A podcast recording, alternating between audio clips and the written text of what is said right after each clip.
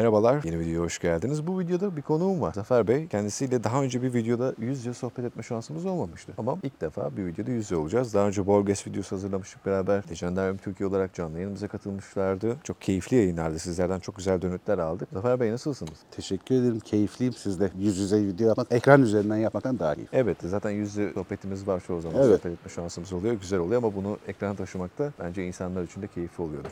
Umarım öyle Bugünkü olur. konumuz duygusallık ve rasyonellik. İlk soruyla hemen başlamak istiyorum. Zafer Bey sizce biz rasyonel bir toplum muyuz yoksa duygusal bir toplum muyuz? Biz duygusal bir toplumuz. Neden böyle düşünüyorsunuz? Şöyle yani biz zaten doğu toplumuyuz biz aslında yani batılı değiliz. Bütün doğu toplumları rasyoneliteden uzaktırlar. Daha duygusaldırlar. Bizim özel olarak çok duygusal olmamızın yani duygusallık oranının, rasyonelite oranının çok üstünde olmasının sebebi neredeyse son 200 yıllık tarihimizin, bu coğrafyada yaşayan insanların tarihinin hep üzüntüyle, acıyla, yoklukla, işte e, fakirlikle mücadeleyle ve bazı bilgileri iyi kötü haberdar olarak başka insanların daha mutlu yaşadığını öğrenmekle, imrenerekle. Bu sonrasında internetin yayılmasıyla beraber Tabii onunla temelli şey oldu. Yani çok geniş bir de Çok bambaşka yaşamlar olduğunu öğrendi. Yani sadece bizim ülkemize özgü değil bu durum tabii. İnternetin olduğu her yerde bunlar öğrenildi ve gerçeklik dediğimiz bu acılar içindeki bir bütün yaşamımız 200 yıl 250 yıldır süren bu toplumun yaşamı gerçeklikten uzaklaşmak zorunda bıraktı toplumu. Çünkü o acılara dayanmak, gerçekliğe dayanmak çok kolay bir iş değil. Herkesten beklenen bir iş değil. O bakımdan da duygusallığı seçtik. Zaten doğulu olduğumuz için duygusallığa yatkınlığımız vardı. Rasyonel çok değer de verilmiyor sanki. Akılla- Rasyonellik rahatsız edici çünkü. Neden? Çünkü gerçek genelde bir durum tespiti yapabilmek, gerçekçi bir durum tespiti yapabilmek hem analitik bir zeka gerektiriyor, hem sert kabulleri getiriyor, hem de insanın kaçış olasılığını, bir başkasına suç atma olasılığını, bir başkasına yaslanma, bir başkasının aslında gizlenme olasılığını, sorumluluğu bir diğerinde bulma olasılığını yok ediyor. O bakımdan da çok tercih edilmiyor. Zaten atasözlerimizde de var yani doğru söyleyeni dokuz köyden kovarlar hikayesi. Kimsenin doğru ihtiyacı yok o zaman. Doğruya ihtiyacı yok. Özellikle bizim coğrafyamızda doğru çok hoş bir durum değil. Hatta ayıplanır bir durum aslında. Zafer Bey genellikle duygusallık denildiğinde işte çok ağlak olma ya da çok hüzünlü olma, sürekli bir derbeder durumda olma gibi şeyler akla geliyor ilk olarak. Ama şunu biliyoruz ki çok fazla sinirli olma, öfke kontrolünün olmaması da aslında bir duygusallık hali. İnsanlar aslında ben çok öfkeli, sinirliyim, kolay sinirlenirim derken aslında ben çok duygusal biriyim, rasyonel olarak hareket edemem bir kaos durumunda demek istiyor. Akdeniz havzasının genel özelliğidir bu zaten. Tepkisellik yani mantık süzgecinden geçirmeden bir olaya hemen bir tepki verebilme, verme ihtiyacı duyma. O biraz kişilerin işte kendisinden bağımsız çok daha devasa sorunların etkisinde kaldıklarını bir şekilde hissedip zaten bir şeyi çözemeyeceklerine olan inancıyla o anlık tepkileriyle bir rahatlama sağladığı için çok daha fazla tepkisellik var. Ama hani duygusallık derken de şunu unutmamak lazım. Yani duygusallık sadece hüzündü, acıydı ya da ne bileyim bir sızlanmaydı diye düşünülüyor ama aşırı neşeli bir durumda duygusal bir Aşırı seçenek. sevinç gösteriyor. Sevinç, çok neşeli olmak, çok neşeyi aramak, çok bir şeyin çok fazla tadını çıkarmaya çalışmak, onun tadını çıkarmak da duygusal bir seçim tabii ki. Yani. Sürekli peki eğlenmeye çalışmak ve en yüksek düzeyde bunu yapmaya çalışmak da bir çeşit duygusallık arayışı mı? O iki şeyi gösteriyor. Bir duygusal kaçışı gösteriyor tabii. Duygusal bir tavır o da sürekli eğlenmeye çalışmak. İki mevcut durumundan çok mutsuz olduğunu gösterir. Peki Zafer Bey, şimdi insana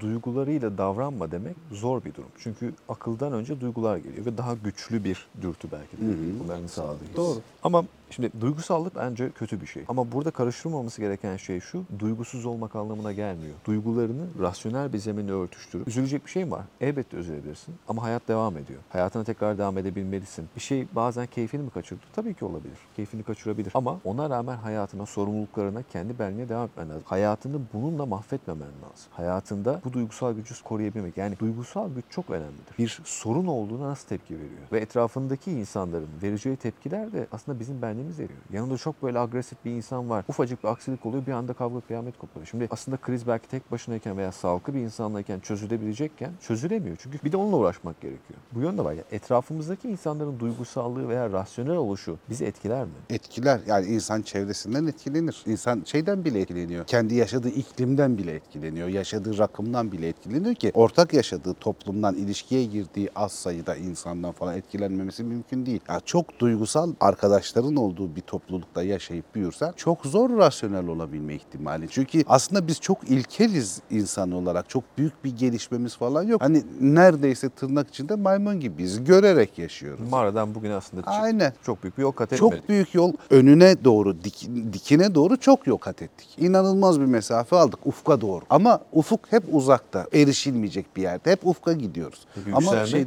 ama hiç yükselmiyoruz. Hala temel meselelerimiz aynı. Şekilleri değişik, Avcı halledilme var. meselesi değişik. Yani avcı toplayıcılığın bir benzerini burada işte emek kapital arasındaki savaşta ya da kazançta görüyoruz falan. Yani yükselerek bir şeyi halletmedik. Temel dürtülerimiz hep aynı kaldı. Aşk hep problemdi ya da güzellikti. Neyse artık duruma göre. Ölüm acıydı, kayıp acıydı. Hala ölüm ve kayıp acı. Hala bir yerden bir yere gitmek, değişmek, hayatını başka bir şeyi seçebilmek meselesi zorunlu olmadığı zaman insanı korkutan, kendi mutsuzluğuna bile razı olarak aynı bölgede kalmaya devam eden insanlardan oluşuyoruz falan. Yeter ki mecbur kalmayalım bir değişime falan diye. İnsanlar çok yükselmedi. O yüzden aslında insanlar en rasyoneli bile belli bir yere kadar öncelikli olarak duygularıyla davranıyorlar. O duygularıyla davranıp hissettiklerini rasyonelize düşünerek dönüştürebiliyor kimisi. Yani o duyguları kontrolüne geçmiyor. Tabii. Kendisi bir orada dengeleme unsuru koyuyor. Tabii zaaf bir duygudur. Hepimizin zaafları vardır başka başka şeylere. Mesele şudur. Zaafının kölesi olmamak. Yoksa herkes zaaf duyar. Şunu da düşünüyorum. Diyelim ki çok karamsar birini düşünelim. Hayatı boyunca sürekli derbeder müzikler dinliyor, bu, bu tarzda filmler izliyor ve mutsuzlukla gününün çok büyük bir kısmını dolduruyor. Bu yönde bazı alışkanlıklar edinmiş ve onlar dediğim gibi zamanını dolduruyor. Peki bu gerçekten mizacı mı böyle? Yoksa o büyük can sıkıntısı için kendine bir yalan mı uydurmuş? Yani bir kimlik olarak o karamsarlığı, hüznü mü yaratmış? Evet biliyorum ki bazı insanlar gerçekten belki e, kendi fizyolojileri yani bu halleri, genetik yapı bilmiyorum yani zihinde bazı salgılanan hormonlar veya az veya çok salgılanması gibi nedenlerle daha karamsar. Belli konuları kafaya takan insanlar olabiliyor. Yetişme tarzı. Birçok faktör var benim anladığım üzere. Bununla beraber bu insanlar sizce gerçek anlamda hani kendilerini oyalamak için de bu karamsarlığı, duygusallığı kullanıyor olabilirler mi? Çünkü çıkarttık hayattan o zaman. E ne yapacak bu insanlar? E, Yani o boşluğu neyle dolduracağız? Tabii ki gerçekten karamsar olan bir mizaç yapısı var insanlar arasında.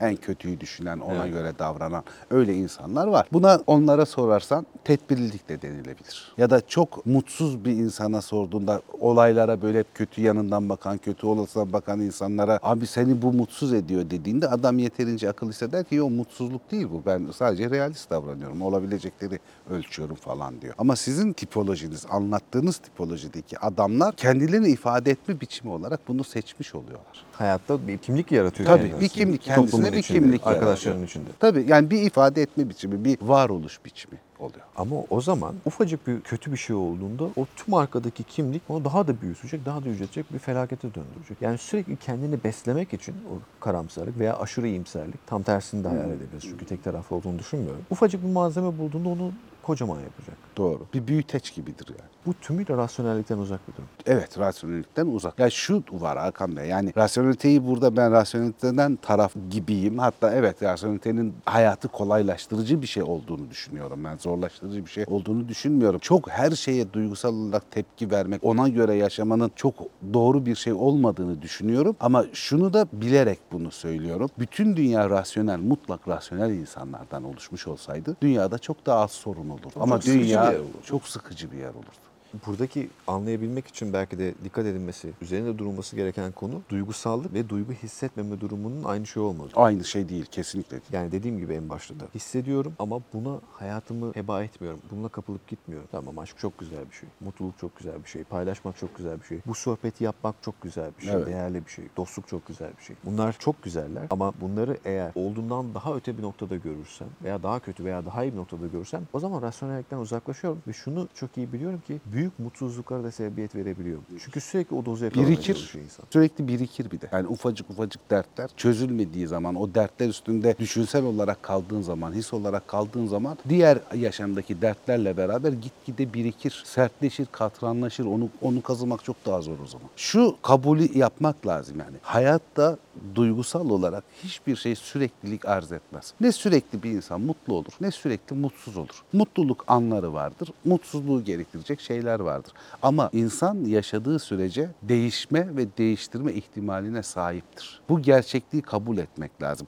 Evet çok mutsuzum. İşte ne bileyim işte sevgilimden ayrıldım, fakir durumdayım, zor durumdayım, müşkül durumdayım. İşte birileri öldü, sevdiğim insanlar falan filan. Herhangi bir derin mutsuzluk. Ama şunu bilirsin ki yaşadığın sürece bu acılarla baş edip devam edebilirsin. Burada duygusuzlaşman gerekmez. Onun sevgisi, onun ağrısı, o kaybın güzel hatıraları, her şeyi sende kalır. Bunun acısına razı olursun ama hayatını engellemez Hayattan devam ediyor. devam edersin. Yani yaşıyorsan dönüşür bir şeyler. İhtimali budur. Öldüğün zaman artık bir şey değişmiyor çünkü. Artık orada Her şey kaybediyorsun. Şimdi Zafer Bey ben şunu da inanıyorum. Toplumun duygusal mı, rasyonel mi olacağını belirleyen şeylerden en önemli nüans yani buna etki yapan şey popüler kültür. Mesela müzik zevki, müziğin şekillenmesi, sürekli derbeder, çok acıklı, çok böyle insana güç, inanç vermek yerine inançsızlaştıran, çok değersizleştiren müziklerin daha fazla çıkması ve kültürün bunu ön plana çıkartması, böyle filmlerin olması da duygusallığı arttırıyor. İnsanlar aslında olmadıkları bir kimliği, olmadıkları bir derbederliği şey sahipleniyorlar. Ama çok iki taraflı bir yol o. Yani tek taraflı bir yol değil. Çünkü sonuçta artık son 50 yıldır her şey satılabilir ve pazarlanabilir bir durum ya. Şimdi bu üreticiler, karamsarlık üreticileri, müzikli olsun, sanatlı olsun, popüler kültürlü olsun, söylemle olsun. Şimdi bunlar bu satış içini talep edenlere yapmakla başlıyorlar. Arabeskin doğuşunu yani büyük satışlarının olduğu dönemler 80'leri düşünelim. Yalnız bu sadece talep meselesi olmuyor. Talebi bir de yaratma durumu var. İnsanların bir kısmı böyle bir taleple başlıyor ama bunu daha fazla satabilmek için talep yaratıcılar da bunu pompalıyor. Karşılıklı bir yol bu. Hem talep eden hem arz eden birbirini destekleyerek mümkün olduğunca çoğaltmaya çalışıyorlar. Kimse şey olmuyor bu konuda. Tek başına karar verici durumda, belirleyici durumda olmuyor. Ama mesela sinemada da gittiğimizde işte üzücü bir film, dra- dram vesaire ne izliyorsak artık o da bizi ağlatmayı amaçlar günün sonunda. Yani ilk olarak bizi etkilemek istediği, manipüle etmek istediği şey rasyonellikten ziyade duygularımızdır. Evet. Çok hüzünlü bir kitap okuduğumuzda da öyledir. Yani o kitap bizi rasyonellikle değil de o duygusallıkla bizi etkilemeye çalışır. Şimdi sürekli böyle kitaplar okursak o zaman artık sürekli bir olaya, bir konuya dair duygusal tepkiler vermeye başlıyoruz. Çünkü aslında sürekli olarak o tarafımızı geliştiriyoruz. genel insan yapısı hakkında söylediğinizde katılırım ama ben hep şunu vurguluyorum. Yani kişi bireysel olarak kendi ruhsal, zihinsel gelişiminden sorumludur. Mutlak. Yani okuma yazma bilip dört işlemi öğrenen herkes yani ondan sonraki hayatında eğitim hayatı olmasa bile artık kendi sorumluluğunu üstlenmiş durumdadır. Hayatı öğrenmek, hayata karşı tavrını öğrenmek, hayata karşı bir duruşunu sergilemesini öğrenmek zorundadır. Yani bütün sorumluluğu genel akış içinde bırakamaz insan. Ama genel insan hayatı olarak baktığımızda gene birey sorumluluğundan kaçıp nedenlere sığınmak olarak görüyorum bu durumu. Çünkü bir kişi kurtulabiliyorsa bu akıştan, bu kötüye gidişten, bir kişi, beş kişi, on kişi kurtulabiliyorsa aslında hepsi kurtulabilir. Ya bedellerine razı değillerdir ya bunu nasıl olabileceğini düşünmeyecek kadar tembellerdir. Akışa zaten kendilerini kaptırmışlardır. O karanlık dehlizler içinde yuvarlanıp durmayı tercih ederler. Tercih ettiklerini bilmeden. O yüzden bireyin kendi öz saygısı, bireyin kendi gelişimi, bireyin kendi tavrı hiçbir yani toplumsal, sistematik, ister e, Lakancı estetik açısından bakın, isterseniz Althusser'in kapitalizmi açısı, anlatış açısından bakın, isterseniz günümüzün sosyal medyası açısından bakın. Hiçbir şey fark etmez. Birey bütün bunlara karşı kendi öz bilincini korumakla yükümlüdür. Peki Zafer Bey çok fazla insanların bu hüzünlü şeylere tabi olması bence onları birazcık üşengeçleştiriyor. Birazcık belki o insanların o- enerjisini daha iyi bir şeye kullanabilsek. Bu kadar kendilerini dramla meşgul etmeseler. Daha doğrusu trajediye. Belki topluma çok daha faydalı olacaklar. Belki kendi hayatlarında da çok daha faydalı olacaklar. Çünkü bir insan gerçekten kendi hayatında bir değer yaratamadıkça onu topluma nasıl katacak? O bir şüphe. O yüzden bu karamsarlığın toplum üzerinde de bir yıkıcı etkisi olduğunu düşünüyorum. Karamsarlık değil tabii sadece aşırı rahatlık, aşırı işte konfor Laç alanı gibi. durumlar. Yani duyguların kontrolsüzce yaşanmasının toplumu dejenere ettiğini, daha kötü bir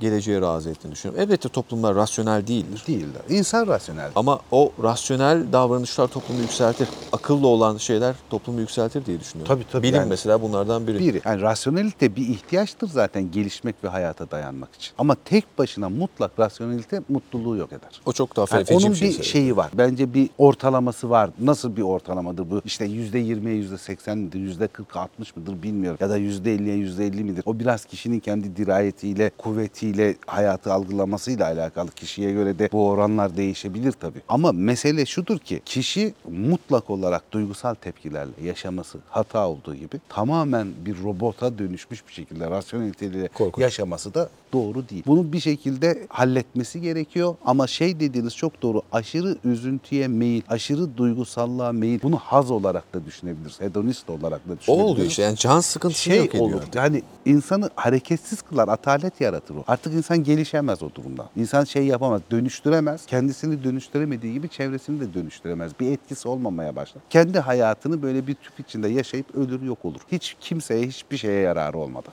Yani çok duygusalsın, çok üzücü bir şey yaşadın. Olabilir. Bu bazen gerçekten herkes tarafından kabul edilecek kadar birinin vefatı olabilir. Üzücü bir şeydir. Ya da bazen sevginden ayrılsın. Belki sadece senin için çok anlamlıdır. Evet, Başka insanlar için çok anlamlı acısıdır. değildir. Ya da farklı farklı örneklerle bunu genişletebiliriz. Üzülüyorsun, çok güzel. Yine üzülüyorsun. E daha da güzel. Tamam ne oldu? O değerli duyguyu yaşaman çok değerli gibi Evet. gözüküyor. Çok güzel gibi gözüküyor. Çünkü sen bir insansın. Bunu gösteriyor. Bu anlamda güzellik. Tabii bir insan olduğunun belirteçlerinden birisi. E tamam sonra? Bu süreklilik işte mesele süreklilikte. Sen hayatının bu, bu duygu sürekliliğinde İnsan dediğimiz şey olmaz. sadece duygu değil ki. Duygudan daha öte bir rasyonellik de var. Peki Zafer Bey bireye çok kısa bir şekilde ne öneriyorsunuz? Hayatında duygusallık ve rasyonellik açısından nasıl bir yol izlemeli? Yani böyle çok kısa. Gerçekten bugüne kadarki belki tecrübelerinizi, okumalarınızı ve yarattığınız bir insan idealinin ya da yaratılmış bir insan idealine karşı olan düşünceleriniz neler? hayatınız yaşadığınız sürece değişiklik potansiyeli gizler. Şu andaki konumuzun ne kadar iyi ya da kötü olduğu bundan sonra bu sürekli devam edeceğini göstermez. O bakımdan ne gereksiz bir duygusallığa kapılıp bütün hayatınızı karartmanıza gerek var ya da hiç hak etmediğiniz bir özgüvene sahip olup hayatım önce çok rahat ve mutlu yaşayacağım demeye ihtiyacınız var. Burada yarı duygusal yarı rasyonel bir göz bakış açısıyla şu karara varmanız lazım. Zaman en kıymetli şey. Elimizdekileri kaybedebiliriz. Elimizdekilerin üstüne bir şeyler koyabiliriz. Zaman zaman düşeriz. Zaman zaman bu düşmeden kalkabiliriz. Düştüğümüz yerde kalmamıza ihtiyacımız yok. Öyle bir zorunluluğumuz yok. İstiyorsak kalkabiliriz. Yeniden deneyebiliriz. Yeniden kaybedebiliriz. Bir daha deneyebiliriz. Çünkü yaşadığımız sürece bir şeyler değişir. Bizim çevremizdeki şeyler değişir. Bizim denlerimiz değişir. Biz kendimiz değişiriz. Bir duygusal karmaşaya girmenin, bunu sürekli halde hissetmenin bir anlamı yok. Ben bugün çok derin bir kayıp yaşadım. Yarın normal hayatına dönün demiyorum. Ama o zamanı kendinize verin. Acınıza da sahip çıktığınız gibi dönüşüme de sahip çık. Devam edebilme gücünüz hep olsun. Güçlü kalabilmek. Tabii devam edebilme gücünüz hep olsun. Çünkü acılar hep olacaktır. Mutluluklar da olacaktır ama. Bütün bu acıların yanında hiçbir şey sürekli olarak acı ya da sürekli olarak büyük keyifli olmaz. Hatta insanın bence genel yaşamında nötr dediğimiz zaman her ikisinden de çok daha uzun bir zamandır yani. Eğer hareket ediyorsa insan yaşamı değişiyor. Odasında sürekli olarak kalan, herhangi biriyle iletişim kurmayan ve tümüyle soyutlamış dış yaşamdan bir birey hata yapma payı çok düşüktür. Doğru. Ha- yaptığı hatalardan dolayı çekeceği üzüntüler, mutsuzluklar veya doğru yap dolayı duyacağı mutlu anlar, sevinçli anlar olmayacaktır. Eğer dışarıdaysak ki hayattayız. Hayatın içinde her an her türlü ihtimale karşı bir olasılık içinde duruyoruz yani. Şu an adım attım. Ben bambaşka bir şey olabilir. Şu an buradayız. Bambaşka bir şey olabilir. O zaman bunun iyi ve kötü getirebileceklerini kabul etmemiz Kabul lazım. etmek lazım. Ama tabii ki bu şey değil. Aman başıma şu mu gelir? Ya da aman bence kesin böyle olacak bir iş falan değil. Onu rasyonel bir zeminde görmek, değerlendirmek ve akışı bu şekilde yönetebilmek. Hareketsiz kalmayın, hareket edin. Yaşamımızı tümüyle duygulara terk edersek, rasyonelliği işin içinden tümüyle çıkartırsak o zaman çok büyük fırsatlar kaybediyoruz. Çünkü diyelim ki çok matematiksel konuşarak acı çekeceğiz. Bir ay o acıyı yaşadık. Bir ay daha bu acıyı yaşarsak o bir ay içinde hayatımızda olabilecek iyi şeyleri de kaçırıyoruz. Yani bizi tedavi edecek, daha iyiye götürecek ve zihnimizi yeni şeylere odaklayacak şeyleri de kaçırıyoruz. Bir nevi aslında kendimizi bir girdabın içine sokuyoruz. Kendimizi o karamsarlığın içinde oyalıyoruz. Belki de o acının, o üzüntünün hakkından yani ne kadar onun hakkı diyelim ki şu kadar süre. Tabii bunu ma- matematiksel bir zemine dökmek çok sağlıklı değildir ama daha iyi anlaşılması açısından bunu söylüyorum. Onun ötesinde biz ona gereksiz bir zaman ayırdığımız hayatımızda zaman kaybediyoruz. Bu geri dönmeyecek. Daha iyi veya yaşamın başka yönlerine gidebileceğimiz fırsatları kaçırıyoruz ve günün sonunda daha da mutsuz oluyoruz. Kaçınılmaz mutsuzluk. Kaçınılmaz. Ya zaten çocuklar bile, gençler bile ne der? Ya bizim çocukluğumuzda şöyle bir çikolata vardı, çok lezzetliydi. Bizim zamanımızda şöyle bir şey vardı, çok tatlıydı falan deriz. Duygusal yaklaşırız.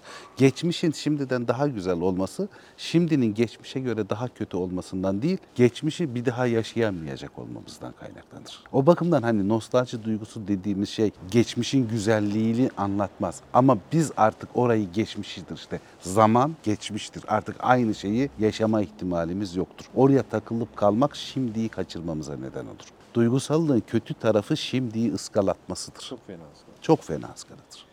Zafer Bey peki sizce yaşla bir alakası var mı? Rasyonelliğe yaklaşmanın yani diyelim ki 30'larına 40'larına geldiğinde insan daha rasyonel olur. 20'lerine geldiğinde ise rasyonellikten uzak olabilir diyebilir miyiz? Yani hataların daha az büyük görüldüğü yani daha küçük görüldüğü dönemler var mı? Bence var. Mesela çocukluğu ve gençlik Tabii. mükemmeldir. Yani bence istedikleri kadar saçmalayabilirler. Ne güzel işte yani saçmalama ve aptallık yapabilme özgürlüğünün olduğu dönemler. Çok güzel bir dönem o. Ama gene mesela gençlikte işte iyi bir üniversite kazanabilme, orada iyi bir diploma oluşturabilme gene gençlik dönemi. Gene sanki gençlikte yaptığımız o klasik söylem vardır ya doğrular ve yanlışlar geleceğimizi de çok şekillendiriyor gibi. E, tabii şekillendirir ama şöyle bir durum var. E, gençlikte de hatalar yapmayacaksak ne zaman yapacağız? Tabii ki yapacağız. 60'ımızda Tabii yapacağız. yani. Biraz gençlerin hata yapıyor olmasında bir sakınca yok. Yeter ki yaptıkları hatayla hayatlarını mahvetmesinler. Yoksa ufak tefek diz yani düşüp dizleri kanasın tabii, bir şey tabii. olmaz yani. O, ve rahat rahat yapsınlar bunu. Yani rahat rahat saçmalayabilsinler belli bir yere kadar ama çok majör bir hata yapmamaları lazım. Çünkü dediğiniz gibi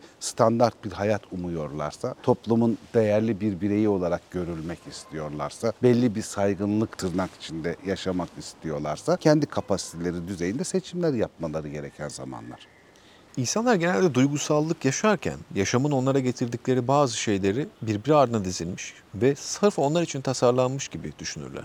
Ne demeye çalışıyorum? Ya sürekli böyle şeyler oluyor. Bu insanlar karşıma çıkıyor. Bu olaylar oluyor. Beni mi buluyor hep derken aslında ben bunun temelinde yine bir kibiri oluşturduğunu düşünüyorum. Bu da bir duygusallık. Şunu demiyor o an düşünen insan. Ben niye sürekli bu olaylara maruz kalacak düşünceler diyeyim, davranışlar diyeyim. Neden sürekli böyle insanlar karşıma çıkıyor ve ben bu insanlarla beraberim demiyor. Direkt olarak yazgıya ve başka insanlara suç atıyor. Bence bu duygusallık, rasyonellik değil. Tabii o duygusallık şöyle bir şey. Zaten rasyonel olarak bakıyor olsa böyle şeylere yani sürekli rahatsız olduğu bir hayat yaşıyorsa değişik insanlarla, değişik olaylarla hep aynı rahatsızlıkları yaşıyorsa o zaman yani akıllanmıyor demektir. Yani rasyonel bakmıyor. Hep aynı adamları, aynı kadınları, aynı insanları, aynı işleri, aynı olayları seçiyor. E zaten yani aynı olaylar aynı sonuçlara genelde benzer sonuçlara yol açıyorlar. Yani orada Özne rasyonel olan tabii Rasyonel olan insan ne der? Bir kere iki kere hani aynı durumlarda Neyi kalınca yanlış yapıyorum? ya der yani sürekli aynı tür olaylar benim başıma geliyorsa demek ki benim yaptığım şeyler bu tür olayları benim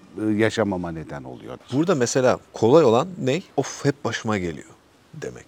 Zor olan neyi yanlış yapıyorum demek. İkincisi bilinmezlik. İki çok kolay. Evet. Hep kendini böyle üzüyorsun. Oradan derbeder oluyorsun. Acı çekiyorsun. Bunu devam ediyorsun. İkinci de işte dur bir dakika diyorsun. Burada farklı bir şey var. Benle ilgili bir sorun var. Ulan neyi yanlış yapıyorum acaba diyorsun. Ve orada bir çözüm yaratmaya çalışıyorsun. Belki de bulamıyorsun. Belki yine yapıyorsun. Ondan bir ders çıkartıyorsun. Duygusallık insanı akıl kadar geliştirmez. Rasyonellik geliştirir ve bence şunu fark etmek lazım. Hiçbir şey sonsuza kadar sürmez. Yaşamın içerisinde her zaman her şey aynı düzeyde olamayacaktır. Mutluluklar, üzüntüler, bazen çok üzüldüğünüz dönemler olacak. Bazen daha az üzüldüğünüz dönemler olacak. Ama şunu bilmek lazım. Bunu yaşadım. iyi veya kötüsüyle hayatımda bu oldu. Böyle bir deneyim oldu. Bundan sonra ne yaşayabilirim? Ve bundan sonra daha güzel şeyler yaşayabilmek için yaşamımı nasıl şekillendirebilirim? Kendime ne katabilirim? Sanki insan kendini geliştirince daha da duygusuzlaşacak, duygusal güç kazanınca robotlaşacak gibi. Hayır. Belki de daha güzel yaşayacaksın duyguları. Daha aklı başında yaşamak sana başka bir haz verecek. Şöyle bir durum eğer temel problem ya da temel problem çözücü benim anladığım kadarıyla şu. Yaptığın eylemin iyi ve kötü sonuçlarını kabullenerek yapacaksın.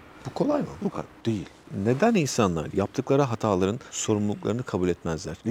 Kim böyle illa sorumluluk alacağım diye yanar tutuşur ki yani. Şey, Ama kendi hayatıyla durum. ilgili bir şey. Kendi hayatıyla ilgili de bir başkasına, annesine, babasına, ülkesine, yönetimine, coğrafyasına yani bahaneden çok bir şey yok ki yani. Zamanınızın kıymetini bilin. Hayat sonsuz değil ve yaptığınız eylemin sonuçlarına katlanmayı bilin. Duygusal ya da rasyonel diye ayırmasak bile yaptığın işlemin, eylemin sonuçlarına iyi ise de kötüyse de razı olduktan sonra ne yaptığının önemi yok. Yeter ki sonucuna razı ol. Becerebildiğiniz kadar gerçeğe dayanın. Becerebildiğiniz kadar yaptığınız eylemin sorumluluğunu alın ve yani zamanınızın kıymetini bilin. İster rasyonel olarak bilin, ister duygusal olarak bilin. Ama bu zamanın geçip gittiği gerçeğini rasyonel olarak unutmayın. Çünkü duygusal olarak ne kadar uzun yaşadım ya da ne kadar kısaydı hayat demek çok kolay. Ama rasyonel olarak şu bir gerçek ki zaman bizim denetlediğimiz bir şey değil. Günleri, ayları, yılları, saatleri biz uydurduk ama zaman bizim uydurmamız değil, geçiyor yani. Evet. Ve ne kadar zamanımız olduğunu da hiçbir zaman bilmiyoruz. Bilemiyoruz. En büyük bilinmezlik bu. Rahatlatıcı. E tabii bilseydik çok daha büyük bir stres altında olurdu. Çok az insan büyük rahatlığa sahip olurdu. Herkes için demeyelim çok az. Yani ben öleceğim tarihi bilseydim daha rahat olabilirdim mesela. Keyifli bir sohbetti Zafer Bey. Çok Teşekkür ederim. Bir sonraki videoda görüşmek üzere. Sağlıcakla kalın.